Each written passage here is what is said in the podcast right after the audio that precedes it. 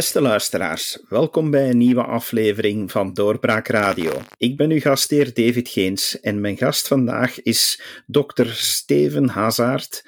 Hij is woordvoerder van het Syndicaat van Vlaamse Huisartsen. En vandaag spreken wij over uiteraard de COVID-19-toestanden en hoe huisartsen dat ervaren. Welkom in onze podcast, dokter Hazard. Dank u wel, dank u wel. Dokter, om met een eerste vraag te beginnen, zou ik de blik willen werpen naar hetgeen wat al achter ons ligt en wat we stilaan toch de eerste golf zouden kunnen noemen. Jullie hebben als huisartsen daar heel veel werk in verzet en daar uh, zal iedereen niet kunnen aan twijfelen en altijd dankbaar voor zijn. Maar wat is voor jullie daar uitgekomen als belangrijke lessen? Hoe hebben jullie die periode ervaren als huisartsen? Wel, die ervaringen, we zijn, we zijn eigenlijk uh, in half maart uh, in het uh, Hans de crisis geworpen geweest door de verplichting om onze huisartsenpraktijken te sluiten. Eigenlijk, daar kwam het in feite op neer. Dus wij mochten van de ene dag op de andere geen patiënten meer ontvangen, of het moesten de heel dringende zaken zijn, maar we moesten dus quasi sluiten en uh, alles telefonisch afhandelen. Nu, uh, huisartsen zijn natuurlijk uh, getraind om een, op basis van een ondervraging, op basis van de kennis van de patiënt zelf, hey, op basis van de vertrouwensrelatie, we ons maar zeggen, en zeker ook op basis, niet te onderschatten, de klinische blik. de eerste blik als iemand bij je binnenkomt, je kunt al heel snel inschatten van oei, hier is iets mis mee, of uh, uh, je ziet er precies wel in orde uit. En nu net op dat moment valt die tweede manier van onderzoeken valt volledig weg. We mogen de patiënt niet meer zien, we kunnen die klinisch niet meer onderzoeken, niet meer bevragen. En we moeten eigenlijk iemand die bijvoorbeeld consulteert of belt met het verhaal van om een simpel voorbeeld te geven, ik heb buikpijn, moeten we die op basis van een aantal vragen uh, plots gaan onderzoeken en gaan, uh, gaan inschatten van ja, wat kan het zijn, wat gaan we daarmee doen, geven we die medicatie al dan niet, uh, moeten we daar iets meer mee doen, moeten we daar onderzoeken. Dat is heel moeilijk. Dat, kan, dat kan even goed, laten we zeggen, een heel simpel buikgriep zijn, bij wijze van spreken, als in het slechtste geval een, uh, een appendicitis of een verdoken appendicitis. Dus uh, dat was een factor en u mag dat uh, als, niet onderschatten. Voor elke huisarts, wij hadden s'avonds vaak het gevoel van, ja, we hebben misschien wel iets gemist, of hoe zou dat, hoe zijn met, met die patiënt, met die buikpijn? was dat nu niet geen acutere zaak, of was dat nu niet dringender, moesten we die niet doorgestuurd hebben?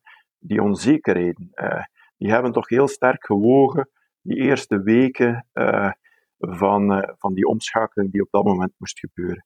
En eigenlijk, in die moment is dan ook de tweede fase gekomen, namelijk de oprichting van de triagecentra of de zorgmeldpunten, waarbij dat uiteraard de, de patiënten die belden met klachten die eventueel konden gerelateerd worden aan een, de, de COVID-epidemie, van ja, die moesten ook onderzocht kunnen worden en die moesten ook kunnen getest worden in, eh, in de specifieke omstandigheden.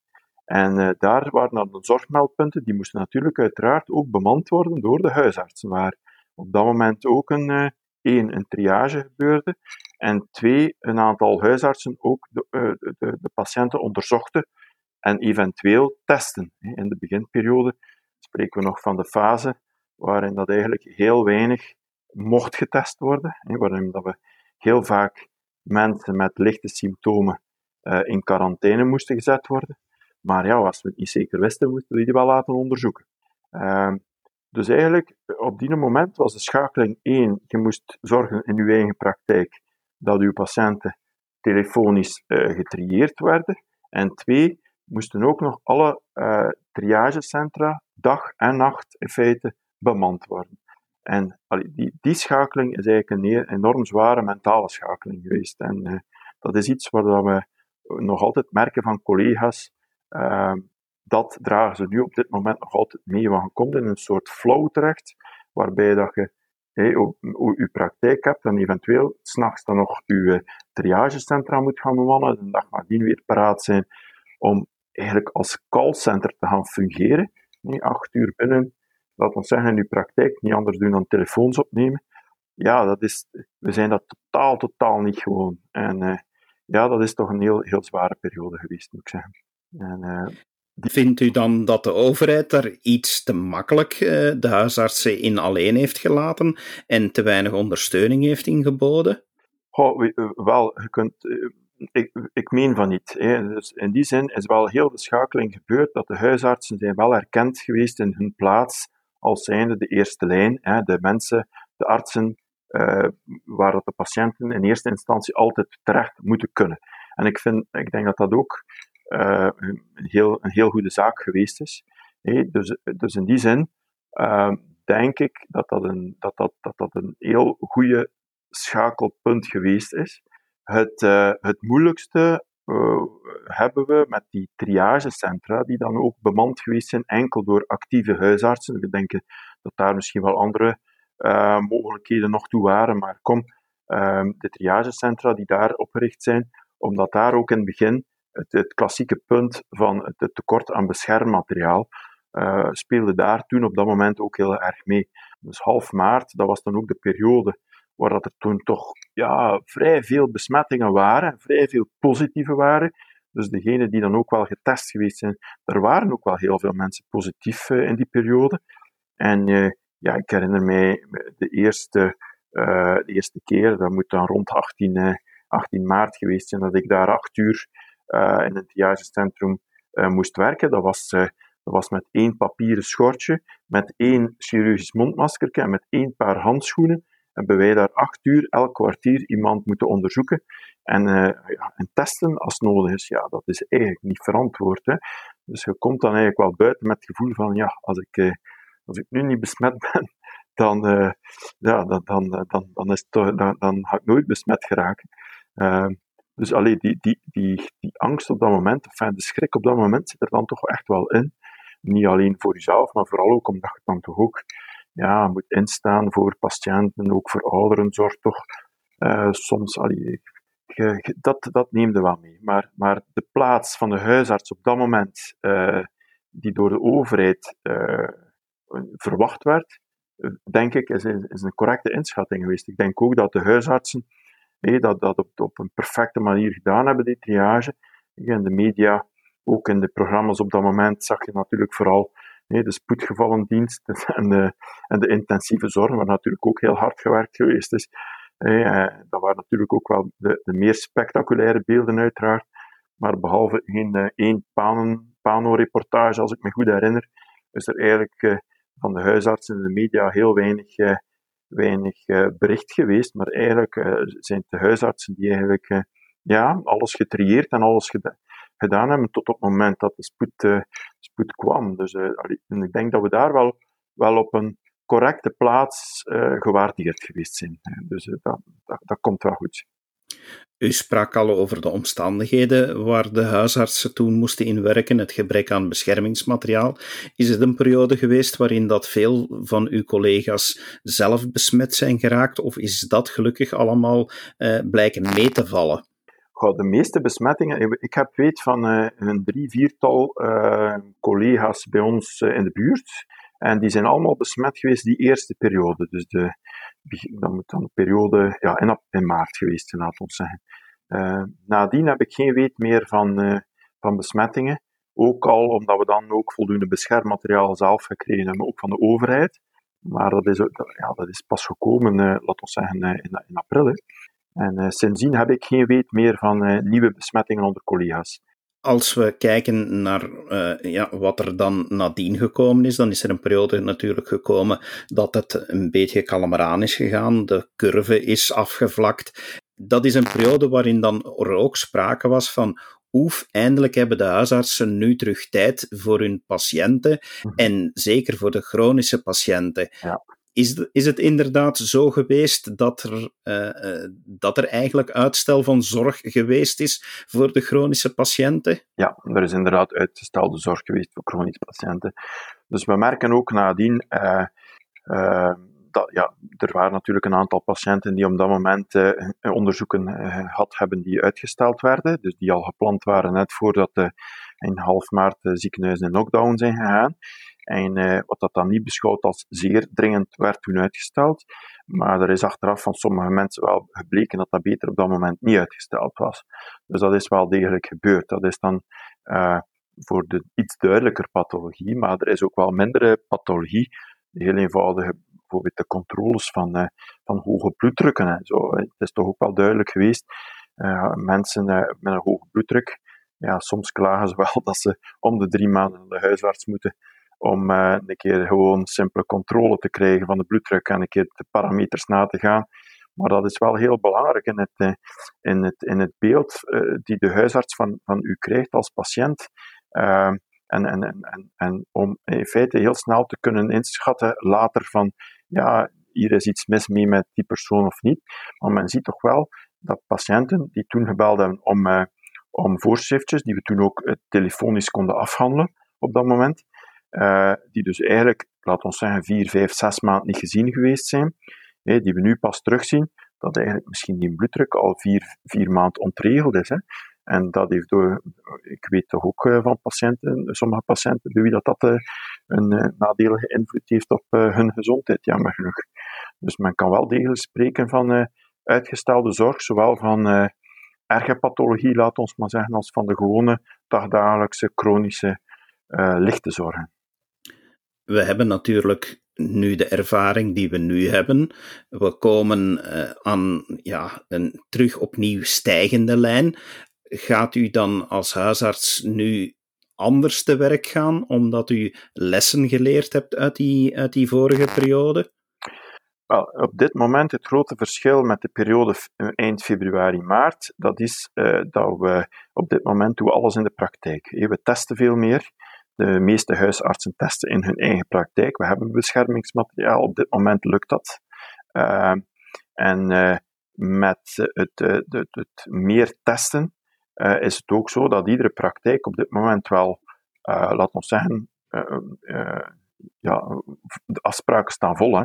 Dus wij zijn op dit moment fulltime bezig, niet alleen met de chronische patiënten, maar ook met die, die testings die moeten gebeuren.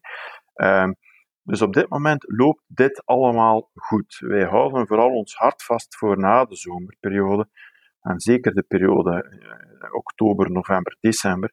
Als bovenop dit, wat we nu doen, de gewone zorg en de, de testings die eh, onder bepaalde voorwaarden sowieso moeten gebeuren, dat eh, als dan nog de infecties eraan bijkomen, die er nu eigenlijk op dit moment niet zijn.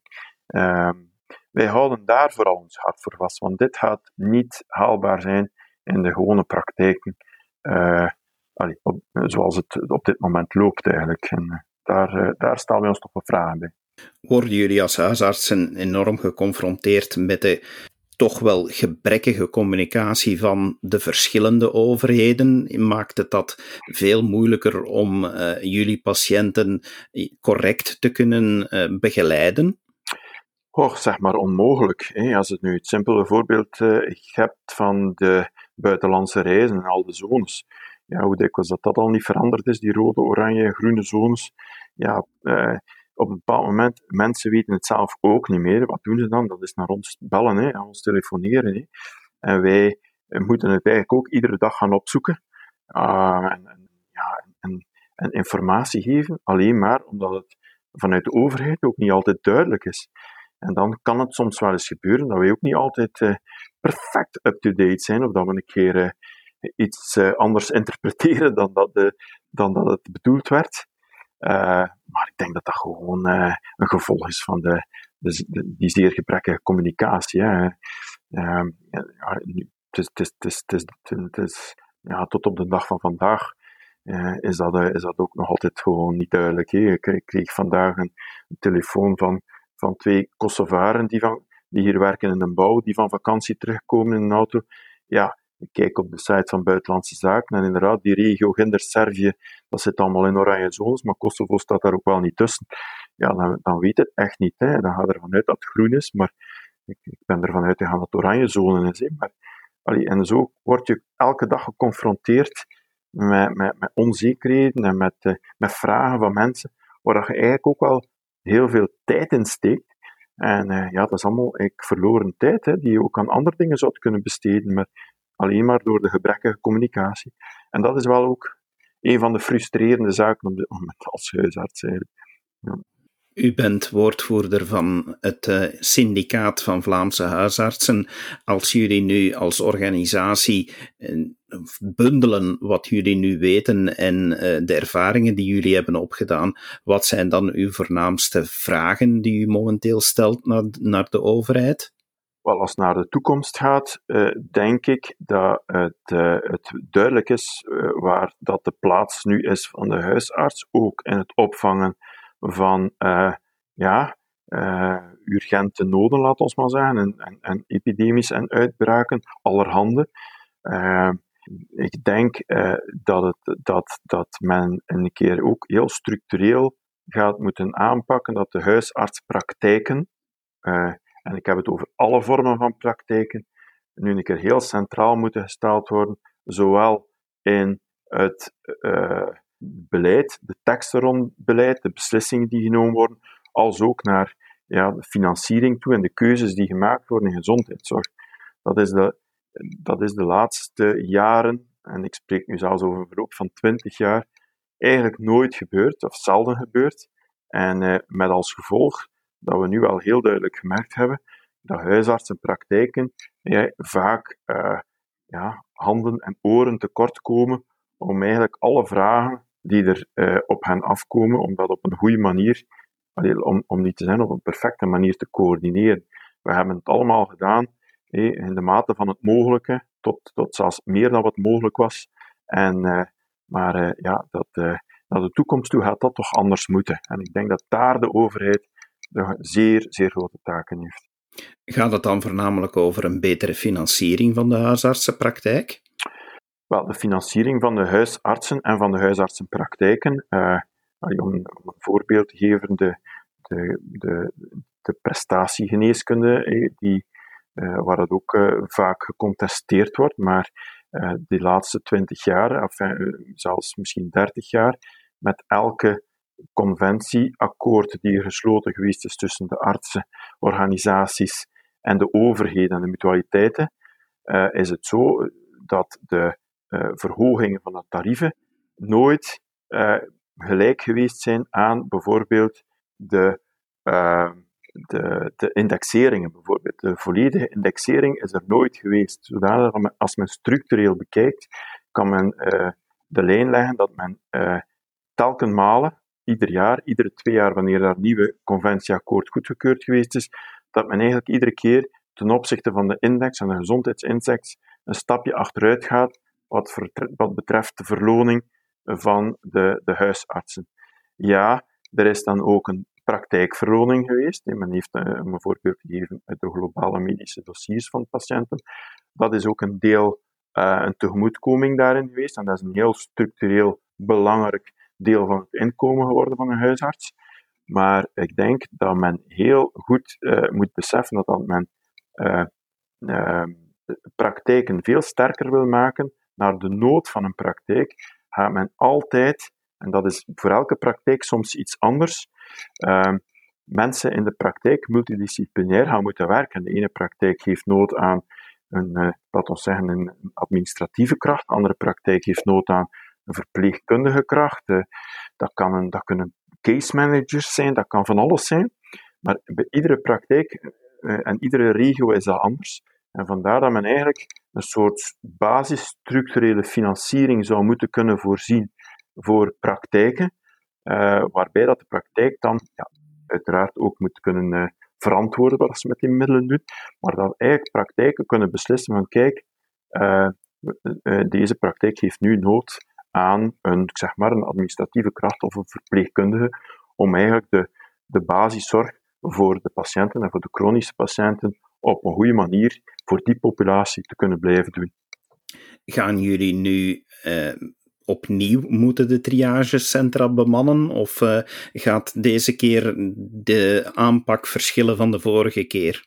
Nu zal dat regio tot regio verschillen. Hè. Dus uh, in, in maart heeft men een heel snel geschakeld, nationaal eigenlijk. En men heeft dan eigenlijk overal triagecentra opgebouwd. Uh, maar dat was toen vooral met de bedoeling om eigenlijk de zorgverleners te beschermen, die in hun eigen praktijken uiteraard geen beschermingsmateriaal hadden op dat moment. Nu is dat uh, dus totaal anders. Die beschermingsmaterialen die zijn er nu wel degelijk. Dus veel uh, regio's en praktijken kunnen dat allemaal zelf in handen nemen. En in verschillende regio's zal het wellicht niet nodig zijn om nieuwe triagecentra te gaan openen. Enfin, dat verwachten we, hoe dat, hoe dat het loopt. Ook, ook wij hebben geen glazen bol, dus we kunnen dat niet voorspellen. Maar ik denk dat veel, in elke regio zal nu bekeken worden van kijk, kunnen de huisartsenpraktijken het op dit moment meester? En dat zal uh, op wekelijkse basis geëvalueerd worden. En uh, op een bepaald moment, wanneer dat men merkt van uh, ja, de huisartsenpraktijken, er is een te grote toeloop naar de huisartsenpraktijken, dan zullen op dat moment in die zone, in die regio's, wellicht weer triagecentra of zorgmeldpunten uh, moeten gecreëerd worden.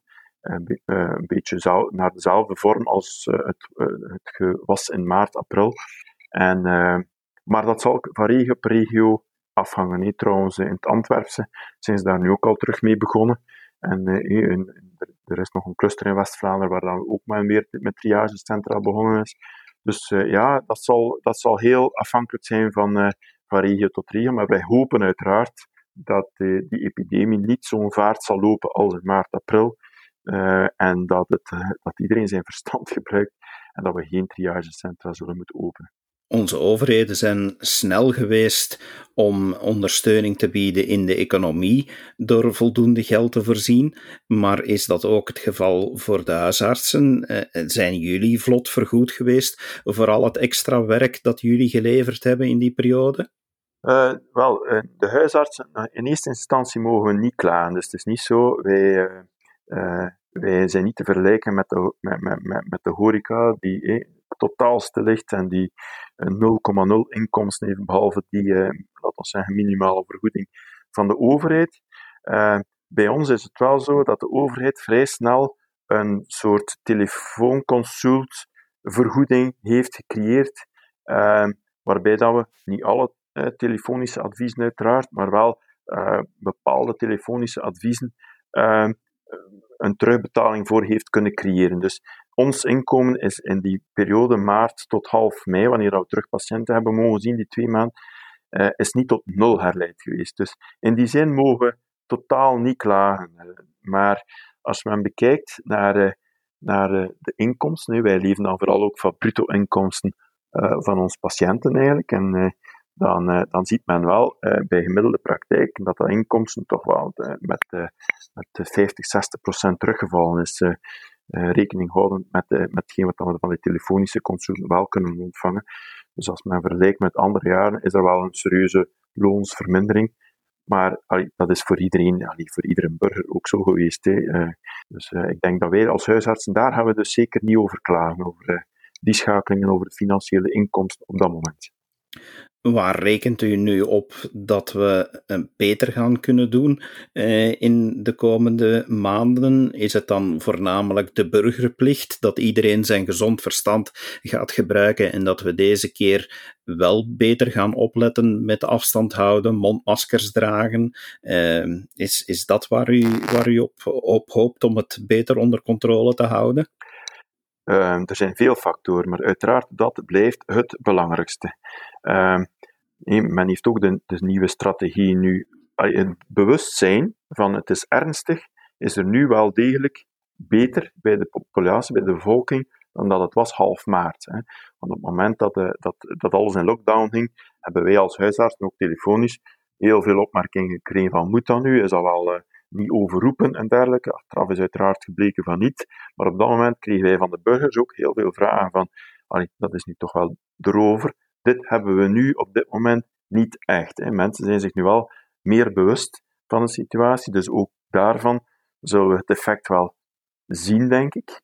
Uh, ook van het snellere testen, alhoewel dat daar het belang, maar dat is dan misschien een meer persoonlijk, een persoonlijk standpunt, het belang daarvan wordt in mijn, allez, mijn ogen en in, ogen van veel collega's ook eigenlijk veel overschat, omdat je daar nog altijd blijft zitten met één, heel veel vals negatieve testen. En die vals negatieve testen, die creëert toch nog altijd het gevoel van, ja, we zijn negatief, dus we kunnen weer alles doen. Hè? Terwijl je eigenlijk ook vrij snel moet kunnen schakelen. En uh, bij mensen die gewoon symptomen hebben, sowieso of iets al zeggen van kijk, jij moet nu 14 dagen thuis blijven, punt. Los van een test, al dan niet. Zelfs al is die test negatief, mensen moeten nu gewoon langer thuis blijven. En dat blijft nog altijd het allerbelangrijkste, veel meer dan die testings die er nu gebeuren. Die testings zijn ook wel nodig, hè, maar uh, om, om, om, een idee te krijgen, om een beeld te krijgen in een populatie. Maar individueel heeft dat te veel belang, uh, die testen. Maar in die zin denken we dat die tweede golf misschien toch wel iets minder zal zijn als iedereen inderdaad uh, de burgerzin en de burgerplicht, laat ons maar zeggen, nu beter gaat opvolgen. Maar begrijpt u dat die burgerplicht een beetje ondergraven wordt door het feit van, ja, neem nu gewoon het voorbeeld van de mondmaskers, die uh, het advies gegaan is van, uh, ze zijn niet nodig, want ze geven een vals gevoel van veiligheid, tot nu een verplichting van ze quasi overal te dragen. Dat is toch uiteindelijk voor uw patiënten en voor ons als burgers moeilijk te volgen. Ja, ik begrijp eh, heel goed dat dat een heel grote verwarring meebrengt. Nu, eh, als, als we kijken naar hoe de communicatie rond die mondmaskers was, ja, dan, dan, dan is eigenlijk het, het, van in het begin vrij ja, consequent gebleven. In het begin, toen men niet op straat mocht, kwam je niemand tegen. En was die mondmasker inderdaad geen meerwaarde. Nu kom je wel veel mensen tegen en is die mondmasker een meerwaarde. Dus eh, eh, die mondmaskerdiscussie, uh, de, de eerste, de eerste uh, richtlijn blijft nog altijd die afstand en het minder aan sociale contacten, los van die mondmaskers. En ja, die mondmaskers die helpen op de plaatsen waar het druk is. Ik denk eerlijk gezegd, het, het verplichten van mondmaskers in veel gebieden buiten dan, als men het nu die discussie eergisteren, een paar dagen geleden, had over mondmaskers aandoen bij sporten, al dan niet. Ja, dat is eigenlijk een beetje hetzelfde, like, uh, zoals dat testen en dat tracen, dat ook te vaak, uh, alleen in sommige gevallen moet gebeuren, waar dat niet altijd nodig is. Bij sommige mensen twee keer. Dat is het paraplu opentrekken. Hè. En dat, dat hoort meer over het paraplu opentrekken dan over het effectieve nut. Hè. Uh, maar oké, het, het, het, kan maar helpen in de bewustwording ook van kom, het, is is iets belangrijk, we moeten allemaal onze plicht doen. En dat is enerzijds met dat mondmasker zo, en anderzijds met uw afstand houden en uw beperken van uw sociale contact. Maar ik begrijp heel goed natuurlijk, Hans, de discussie met die mondmaskers, dat dat voor verwarring, we merken dat ook aan de vragen van onze patiënten. Maar eigenlijk is het van in het begin ook vrij logisch geweest eh, dat het eh, de adviezen die men gegeven heeft. Hoor. Prima, dat is duidelijk van eindelijk eens iemand die uh, hier toch wel wat uh, duidelijkheid, duidelijkheid in schaapt. Uh, dokter Hazard, dank u wel voor uw tijd die u hebt vrijgemaakt voor Doorbraak Radio. We vinden het fantastisch dat u enige toelichting hebt willen geven bij de toestand momenteel. Met heel veel plezier gedaan en goede avond aan iedereen, alle luisteraars. En u, beste luisteraars, dankjewel dat je aanwezig was bij deze zomereditie. Zoals steeds blijven wij op post en zullen er eh, nog podcasts volgen. Stem dus regelmatig af op onze website en uh, kom luisteren op alle mogelijke kanalen die u kan vinden, zoals Apple Podcasts of Overcast. Er zijn heel veel manieren om te luisteren naar onze uitzendingen. Dankjewel en tot later. Dag. Dit was een episode van Doorbraak Radio, de podcast van doorbraak.be. Volg onze podcast op doorbraak.be/slash radio of via Apple Podcasts, Overcast of Spotify. Bezoek ook onze website op doorbraak.be en steun ons door een vriend te worden van Doorbraak.